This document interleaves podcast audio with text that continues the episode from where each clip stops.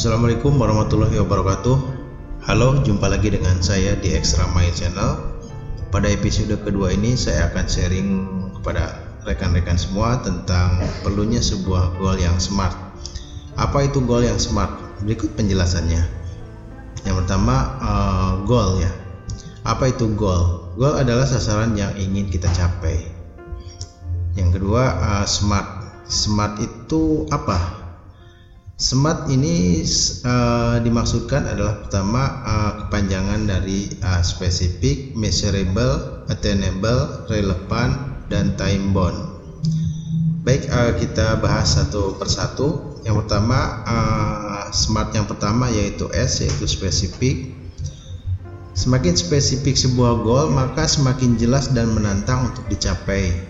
Contoh sebuah goal yang tidak jelas. Saya ingin sukses, Goal tersebut tidak spesifik dan jelas. Sukses dalam hal apa? Sukses dalam area apa? Bandingkan dua goal ini. Saya ingin sukses dan saya ingin mencapai target penjualan mobil. Mana goal yang lebih spesifik menurut Anda? Benar. Yang kedua yang lebih spesifik. Kemudian uh, smart yang kedua yaitu uh, measurable. Artinya uh, di sini goal yang spesifik aja tidak cukup, maka kita harus memiliki goal yang terukur. Bandingkan dua goal ini. Saya ingin mencapai target penjualan mobil dengan saya ingin berhasil menjual 30 mobil merek X. Tentunya kita semua setuju goal yang kedua yang lebih terukur dan mudah untuk mengukur kesuksesannya. Oke, uh, selanjutnya uh, smart yang ketiga yaitu A attainable.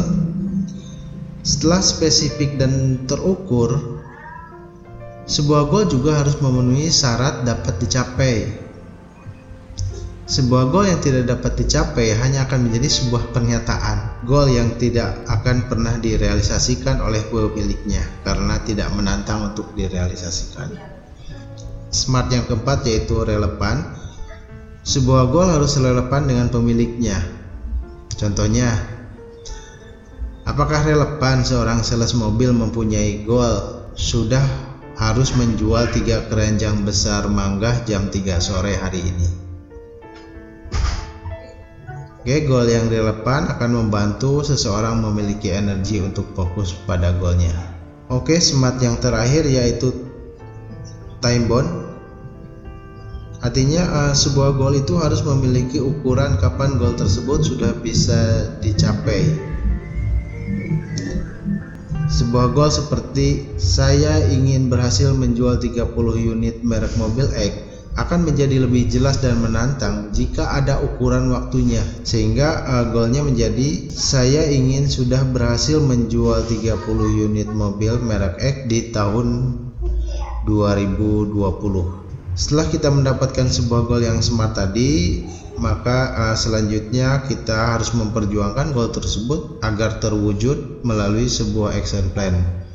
Namun jangan lupa action plan yang kita susun itu sebaiknya mencakup ikhtiar dohir dan ikhtiar batin.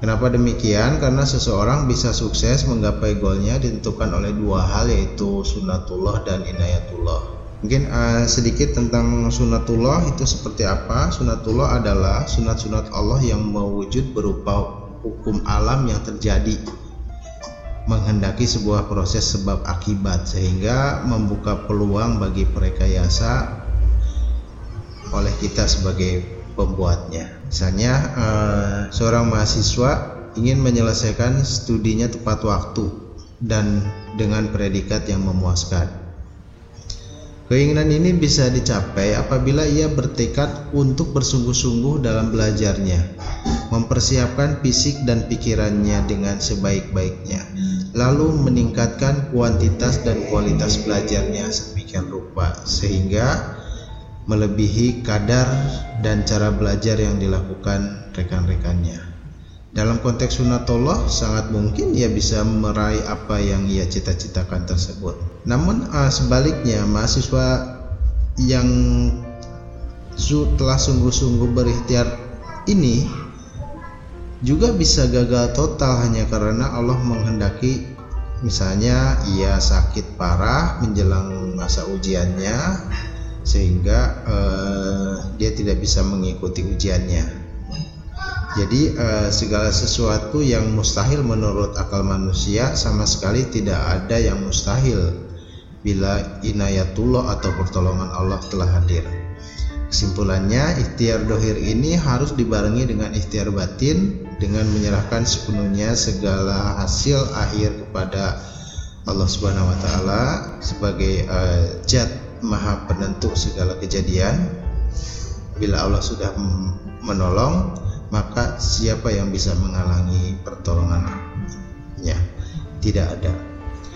Demikian sharing kita kali ini. Saya ucapkan terima kasih kepada rekan-rekan yang sudah uh, mendengarkan podcast ini. Mudah-mudahan apa yang saya sampaikan bisa bermanfaat. Wassalamualaikum warahmatullahi wabarakatuh.